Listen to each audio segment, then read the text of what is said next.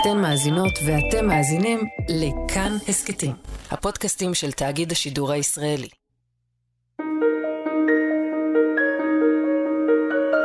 היי, אני עורך הדין אורון שוורץ, וזהו החלק השני של הפרק בהסכת משפט חוזר אודות פרשת קסטנר ומשפטו של גרינוולד.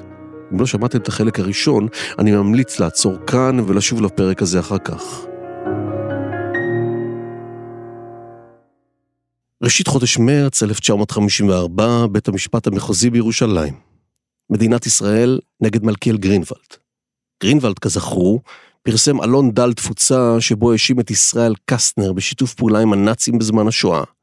המדינה החליטה להעמיד לדין את גרינוולד בגין עבירה פלילית של הוצאת לשון הרע. קסטנר, שהחל את המשפט כעד מטעם התביעה, הפך אט-אט על דוכן העדים, מפקיד ממשלתי מכובד שביקש להגן על שמו הטוב, לנאשם. הפרשה שהחלה כפרשת גרינוולד, תיקרא מעתה פרשת קסטנר.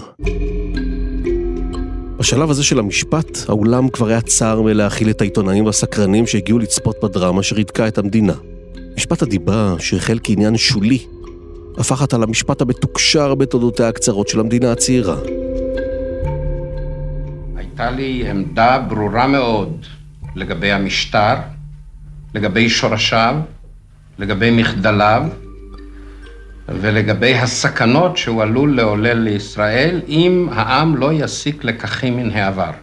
אחרי שהנחית מכה אחר מכה על אמינותו של עד התביעה קסטנר, תמיר, סנגרו של גרינוולד, לא מתכוון לעצור. תמיר רצה להפוך את משפטו של קסטנר למשפטה של הנהגת המדינה. האשמה? הפקרת יהודי אירופה. תמיר חיפש את המשטר והגיע אליו באמצעותו של קסטנר. זהו טומי לפיד, חברו של קסטנר. זה היה זמן לא רב אחרי השואה, הרגשות היו חריפים מאוד, והציבור הארץ-ישראלי הרגיש אשם שלא עשה שום דבר מעשי, מלבד כמה מחוות שלא היו להן uh, תוצאות. ולכן היה פה איזשהו רגע שבו גם תמיר וגם הציבור הרחב מצאו בקסטנר שעיר לעזאזל, לפי ממש המושג התנ"כי של המילה. אחרי עדותו של קסטנר, מפלגת השלטון מצטיירת בתקשורת בצבעים קודרים. היועץ המשפטי לממשלה, חיים כהן, שיזם את ההליך המשפטי והגשת התביעה, נקרא לקחת את ניהול התיק לידיו. כהן התלבט. החלפתו של מי שניהל את התיק מטעם התביעה, עורך הדין אמנון תל, עלולה לשדר מסר של תבוסה צורבת. כשקסטנר נחקר חקירת שדי וערב, אה, הוא מאוד מאוד אה, הסתבך בסתירות. זהו חיים כהן בהקלטה נדירה משנת 1982. והדברים הגיעו לידי כך שלא קסטנר עמד כנאשם בבית המשפט, אלא כל המוסדות הלאומיים דאז פתאום הפכו לנאשמים. וכשכל המוסדות הלאומיים נהפכו לנאשמים במשפט כזה, אז אה,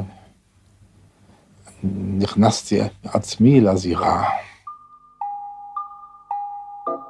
היועץ המשפטי לממשלה חיים כהן מחליט לזמן לדוכן העדים שורה של דמויות מרשימות. כך קרה שהתביעה שלפה את האס שלה, והיא קוראת לדוכן העדים את הצנחן המהולל יואל פלגי.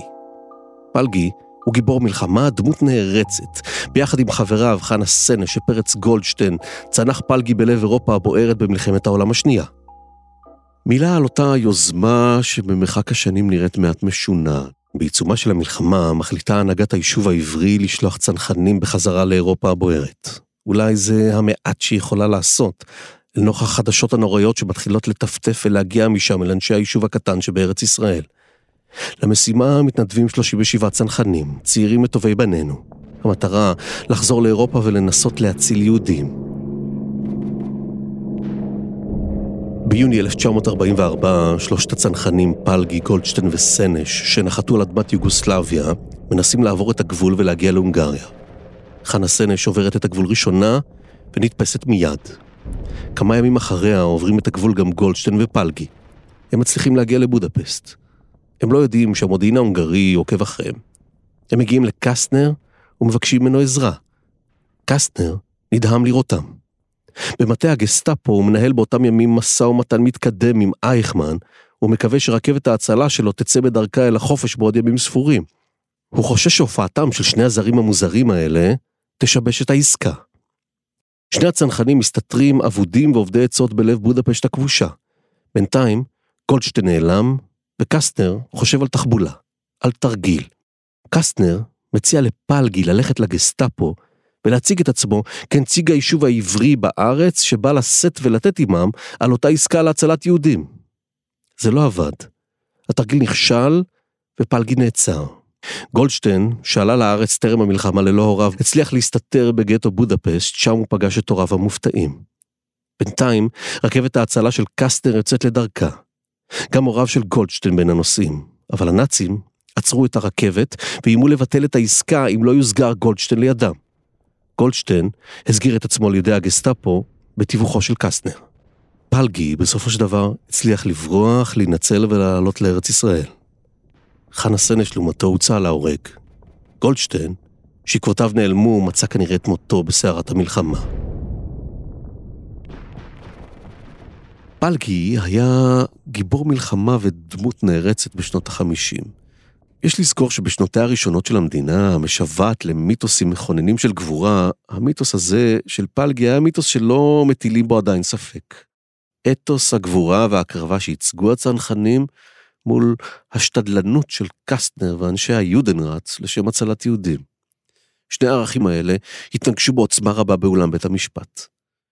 נראה היה שלעת עתה בחקירה הראשית, פלגי הצליח לספק לקסטנר את הסחורה המשפטית שלשמה נקרא. הוא סיים את עדותו הראשית באמירה מלאת הפתוס כי קסטנר מילא ביחס למעשה הצלה שעשה חובה אלמנטרית של יהודי. אבל אז הגיעה חקירתו הנגדית. אתה ניצלת, מטיח בו תמיר, כי חברת לקסטנר, תוך ששניכם משתפים פעולה עם הגסטאפו, ולכן גולדשטיין וחנה סנש, שלא חברו לשיתוף הפעולה הזה, לא חזרו. תמיר הצליח בכישרונו אף להביא את פלגי למקום שבו נאלץ לתאר את התייצבותו במטה הגסטאפו לבגידה. הרושם שנותר מעדותו של פלגי היה איום. תמיר, שיודע לתזמר את הדרמה הזאת היטב, הכין עכשיו את שיאה.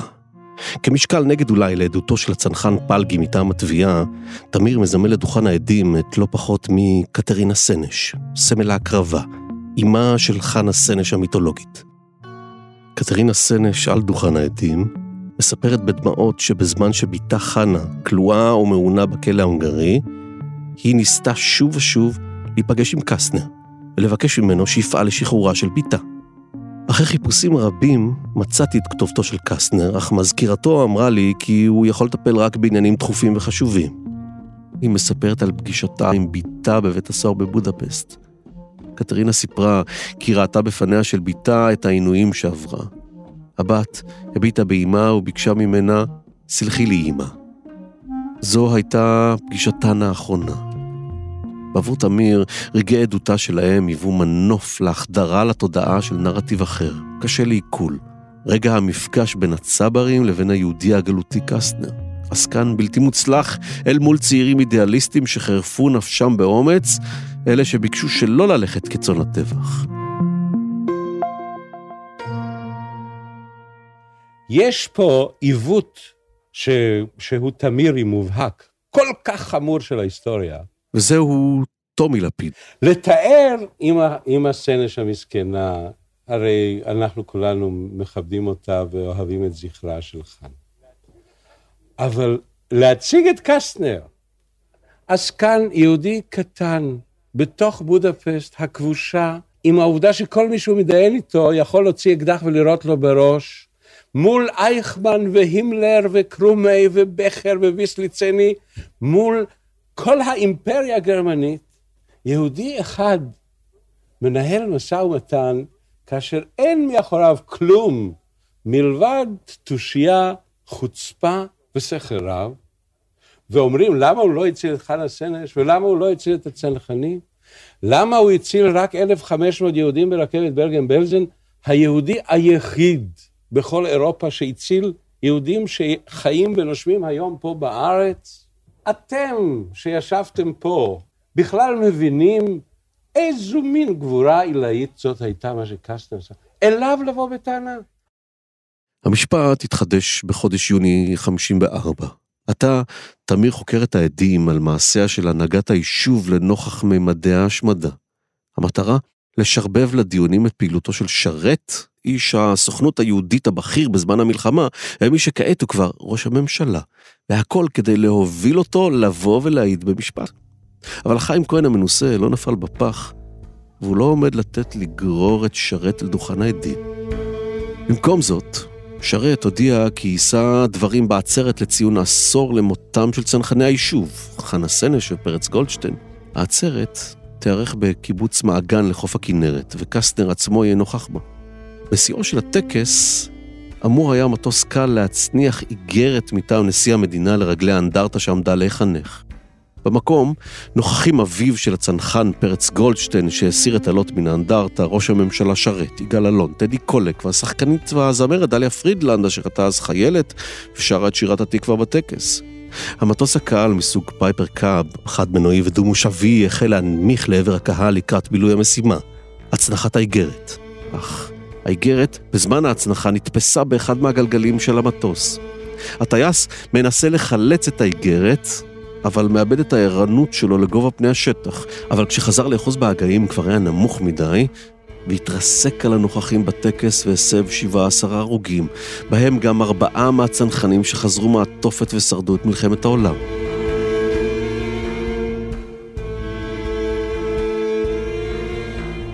ראש הממשלה משה שרת נכח באירוע ובדרך נס לא נפגע. הביקורת למחרת בעיתונות על האסון עצמו הייתה רבה. אצבע אלוהים ירדה על עצרת מעגן, כתב אורי אבנרי בעולם הזה.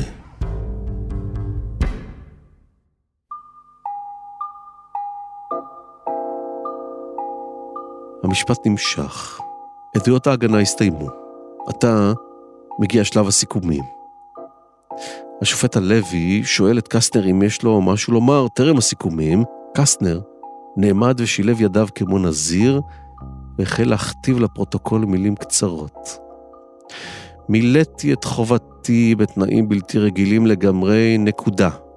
לי ולחבריי אין מה להסתיר בפרשה הזו, פסיק, ובמיוחד אין לנו מה להצטער שפעלנו לפי מצפוננו, על אף מה שנעשה לנו במשפט הזה, נקודה.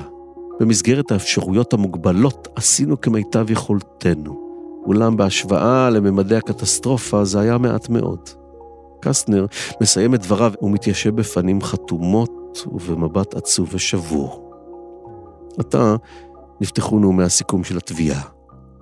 חיים כהן יישר את גלימתו ופתח בנאום שנמשך שבע שעות. לאחר כהן עלה תמיר וסיכם. לא נשמעו בבית דין של מדינת ישראל האשמות כבדות כאלה מפי איש יהודי על אחיו, נכתב בעולם הזה. הצדדים סיימו עתה את דברי הסיכום.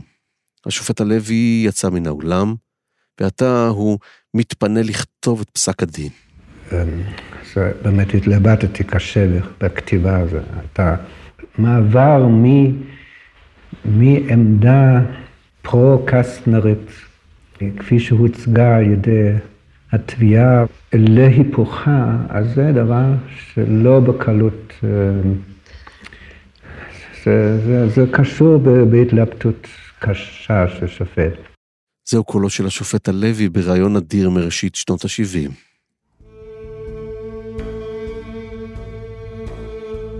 לאחר תשעה חודשים ארוכים, אנו ניצבים בבוקר ה-22 ביוני 1955, בבית המשפט המחוזי בירושלים. כמה דקות לפני השעה שמונה בבוקר, גרינוולד נכנס לאכסדרת בית המשפט. בתו רינה זירזה אותו, והוא העיר לה כי אין מה למהר, לא יתחילו בלעדיי, הוא אומר לה. האולם מלא, אך שניים בולטים בהיעדרם. היועץ המשפטי לממשלה חיים כהן וקסטנר. קסטנר הגיע יום קודם לכן מתל אביב לירושלים והשתכן באחד המלונות בעיר, ממתין לתוצאות פסק הדין. בשעה שמונה בבוקר בדיוק, השופט הלוי נכנס לאולם. הרשת פניו חתומה. הוא מתחיל לקרוא בקול שקט את פסק הדין, 207 עמודים שהקראתם עומדת להימשך עשר שעות. בראש פסק הדין, השופט הלוי פירט באריכות ובמילים נוקבות וקשות כי קסטנר היה שותף להרדמת הגנותיהם של היהודים, וכי הם עלו לרכבת מבלי לדעת כי אלה יוצאות לאושוויץ. לעניין פרשת הצנחנים קבע הלוי כי קסטנר הביא את הצנחנים להסגיר את עצמם לידי הגסטאפו.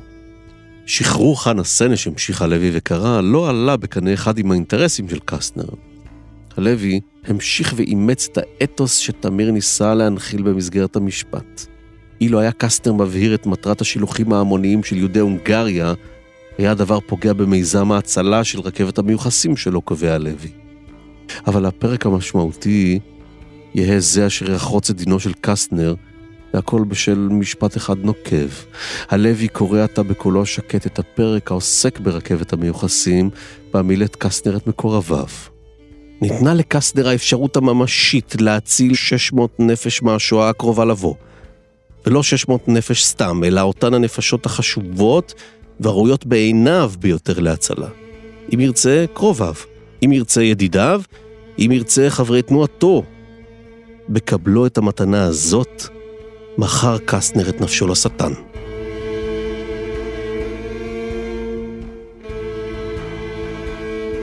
בעניין אחד זיכה במרכאות הלוי את קסטנר, כשקבע שלא הוכח שקסטנר גזל את רכוש היהודים שהעביר לבכר. אך לאור היות עניין זה יחסית זניח בכתב האישום כנגד גרינוולד, בוחר הלוי להשית על גרינוולד עונש סמלי בלבד, בסך של לירה אחת. גרינוולד כמובן מיהר לשלם את הקנס הסמלי. נכנסתי הביתה מבית הספר, ואבא שלי קרא לי לגשת אליו, זוהי סוזי קסטנר, בתו של ישראל קסטנר. והייתה אווירה בבית שאפשר היה לחתוך את האוויר בסכין,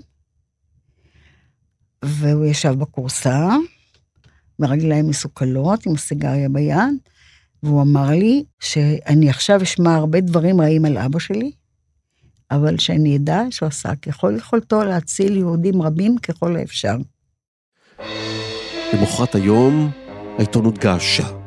הכותרות היו בחלקן צהובות, נוקבות, מאשימות. קסטנר מכר את נפשו לשטן. היועץ המשפטי לממשלה, חיים כהן, הודיע כבר ביום של מחרת כי יערער על פסק הדין. אני נזדעזעתי לשמוע מה שהשופט הלוי כתב שם בפסק הדין. זהו חיים כהן בהקלטה נדירה משנת 1982. אני אף פעם לא הייתי מעלה על הדעת שהוא יגיע למסקנות האלה. ואני עד, עד היום הזה אני מאוכזב ממנו. המשפט הזה, מכר את נפשו לשטן, לא הקל עליי בתהליך הערעור. זוהי הקלטה נדירה בקולו של שמואל תמיר משנת 1982 עבור תוכנית שנעשתה בידי כל ישראל. כי זה היה משפט, לעניות דעתי, בכל הכבוד והידידות וההערצה לשופט הלוי, המשפט היה קצת פשטני. נתן, קנה, מכר. ב-21 באוגוסט 1955 הוגש לבית המשפט העליון ערעור המדינה על פסק הדין. עיקר טעמי הערעור נסבו על הסתמכותו של הלוי על ראיות אשר היו פרשנויות ותחושות של העדים ושל השופט יותר מאשר ראיות אובייקטיביות. יותר מדי סופרלטיבים, יותר מדי תיאורים מאשר קביעות עובדתיות רזות. בערעור דרש היועץ המשפטי לממשלה כי גרינוולד יורשע ויוענש בחומרה. השופט הלוי מצידו הסתגר בביתו וביקש כי לא יקבעו לו דיונים למשך השבועיים הקרובים. גרינוולד, לעומת זאת, פתח את ביתו למבקרים, קיבל מברקים ומכתבים במאות אנשים שברכו אותו על ניצחונו. כל ישראל, יומן החדשות.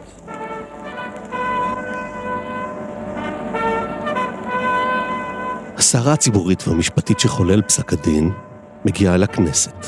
מפלגת חירות מאשימה את מפא"י, כי היא מחפה על קסטנר, שהוא חבר המפלגה.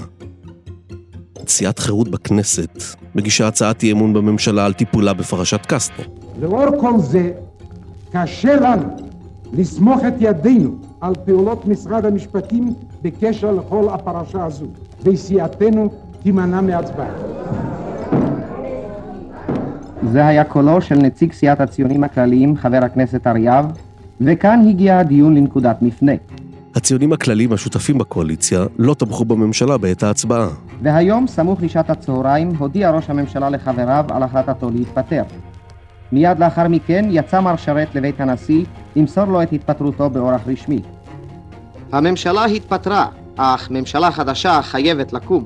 אנו מגישים לכם את המהדורה הראשונה של יומן החדשות לערב זה.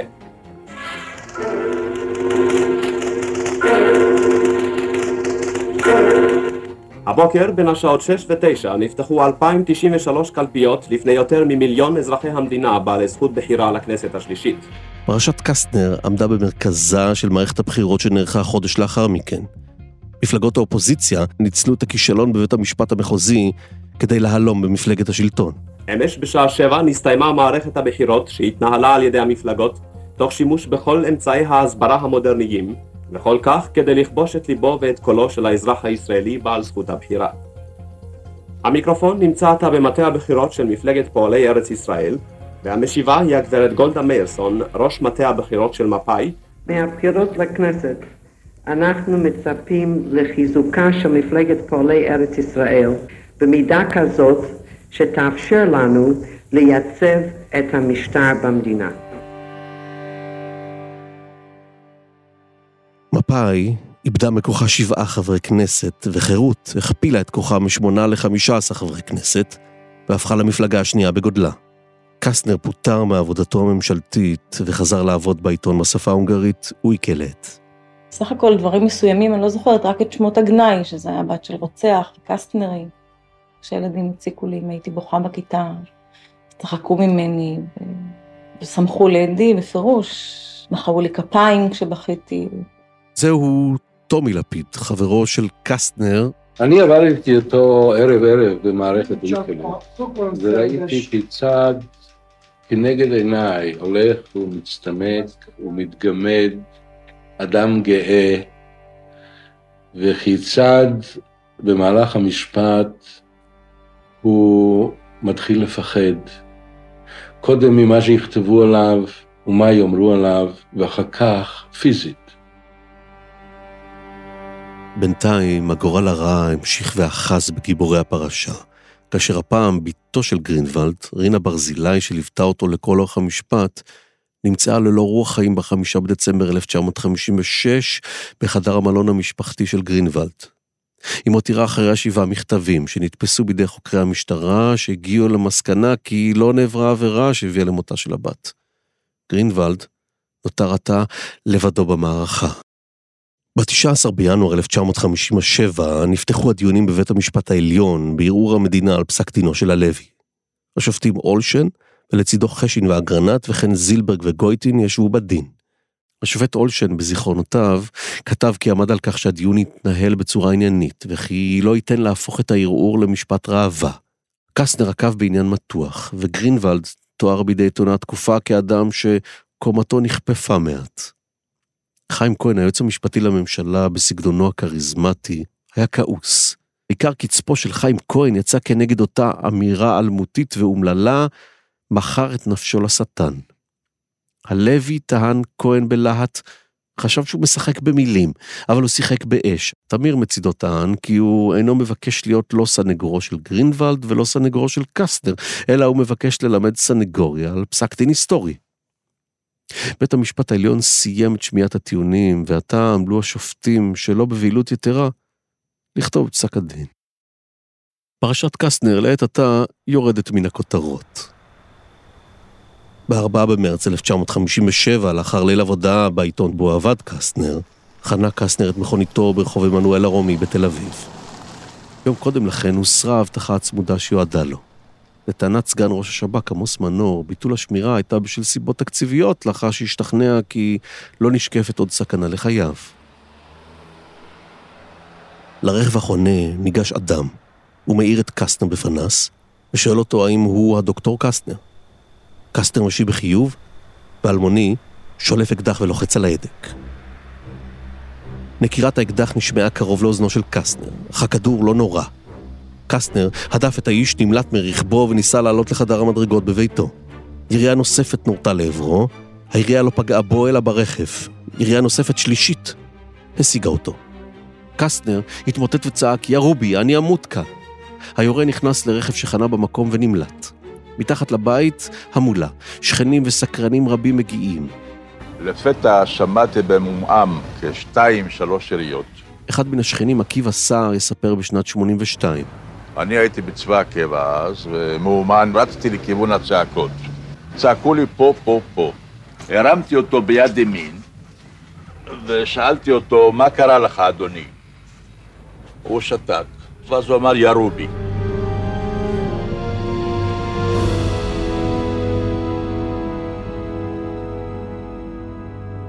איש משטרה מגיע למקום ורעייתו של קסטנר, שאחד מן השכנים מזעיק אותה, ביקשה שיביאו לו כרית ושמיכה. קסטנר פונה בהכרה מלאה לבית החולים, אך שם התברר כי מצבו קשה, והרופאים מחליטים לנתחו. מצבו השתפר. קסטנר מספיק למסור גרסה למשטרה. לבית החולים הגיעו עשרות מברקים ומכתבים, באחד מהם נכתב מזועזע מהמעשה הבלתי אנושי, רפואה שלמה למרות הניגודים העקרוניים. על המברק הזה חתום היה גרינוולד בעצמו. ואולם לאחר שמונה ימים, מצבו של קסטנר החל להידרדר. הובהל שוב לחדר הניתוחים. ב-15 למרץ 1957, עשרה ימים לאחר שנורה, יוכרז מותו. ולא אמרו לי שום דבר. אמא ביקשה שהיא רוצה לספר לי במו פיה. ואימא שהייתה אישה מאוד גאה, לא בכתה, הייתה שקטה לחלוטין, ובשקט סיפרה לי שאבא נפטר. לוויה גדולה וטעונה התנהלה ברחובות תל אביב. בעיתונות גינו הכל את הרצח. אבל רק בעיתון דבר מופיעות מעט מודעות אבל פרטיות.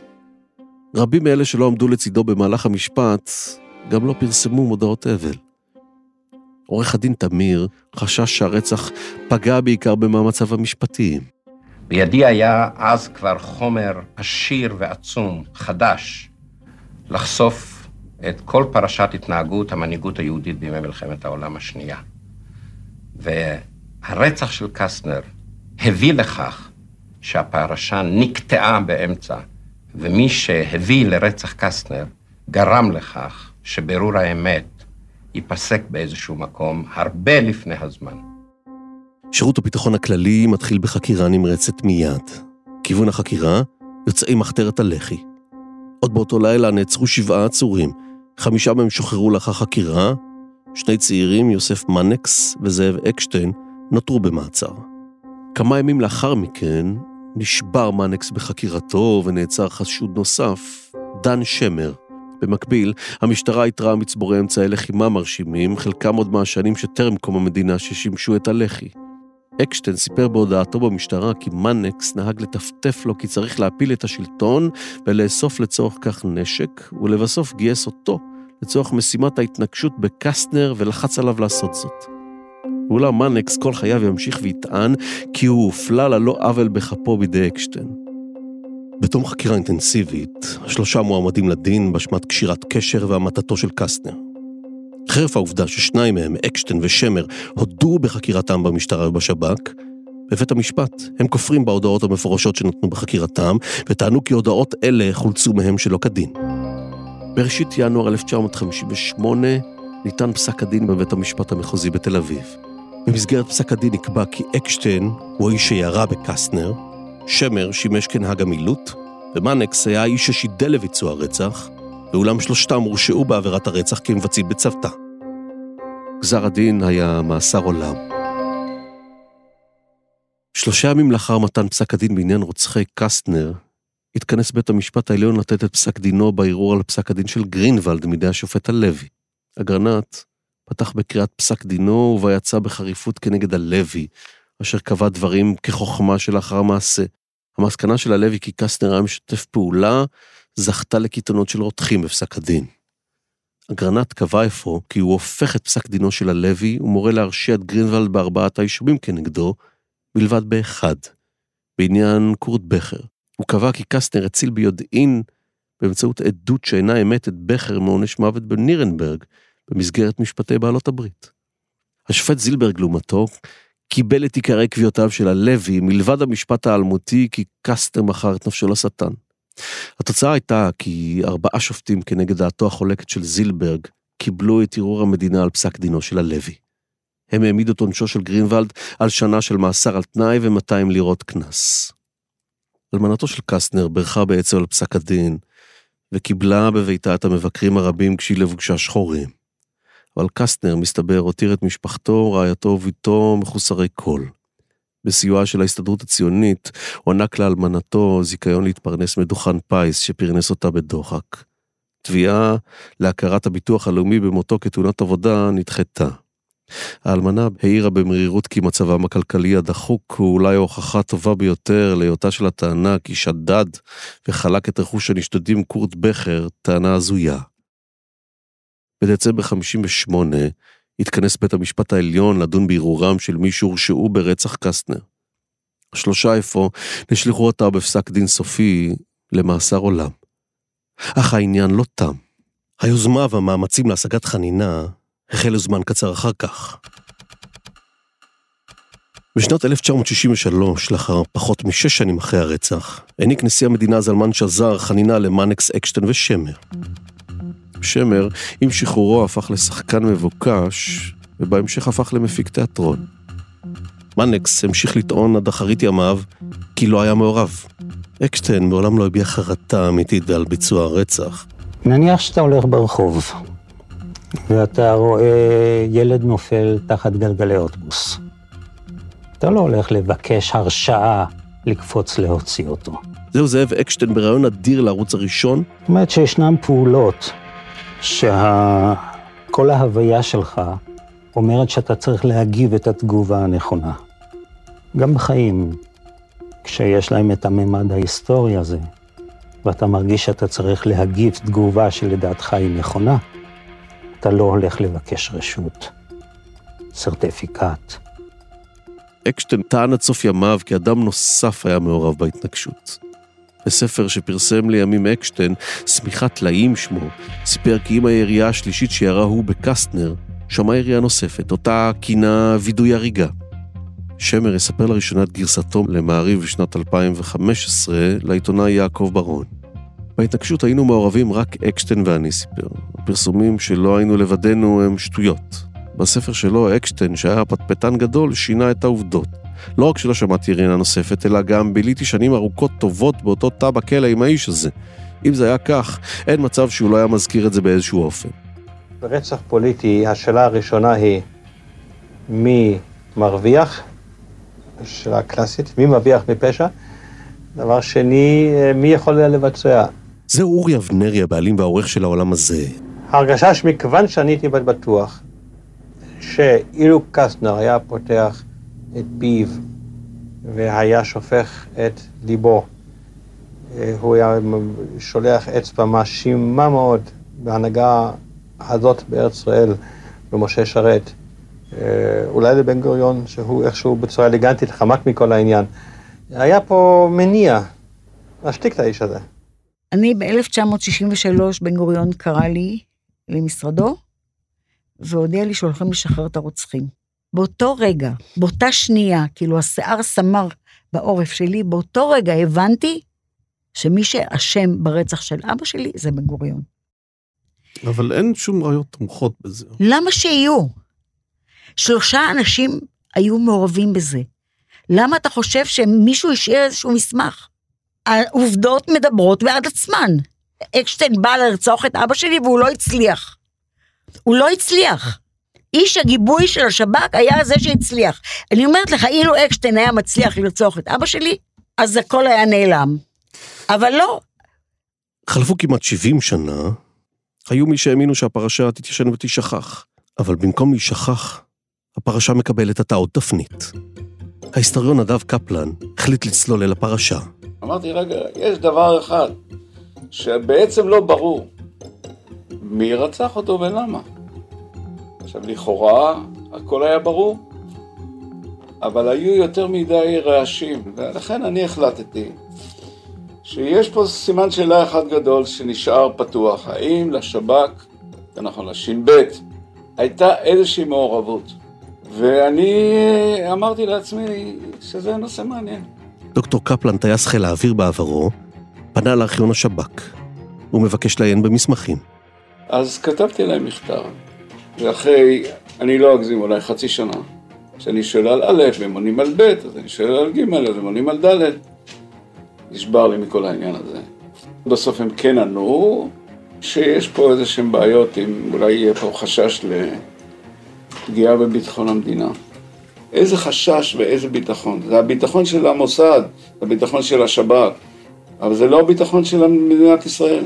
זה, זה המקום שנולדות קונספירציות.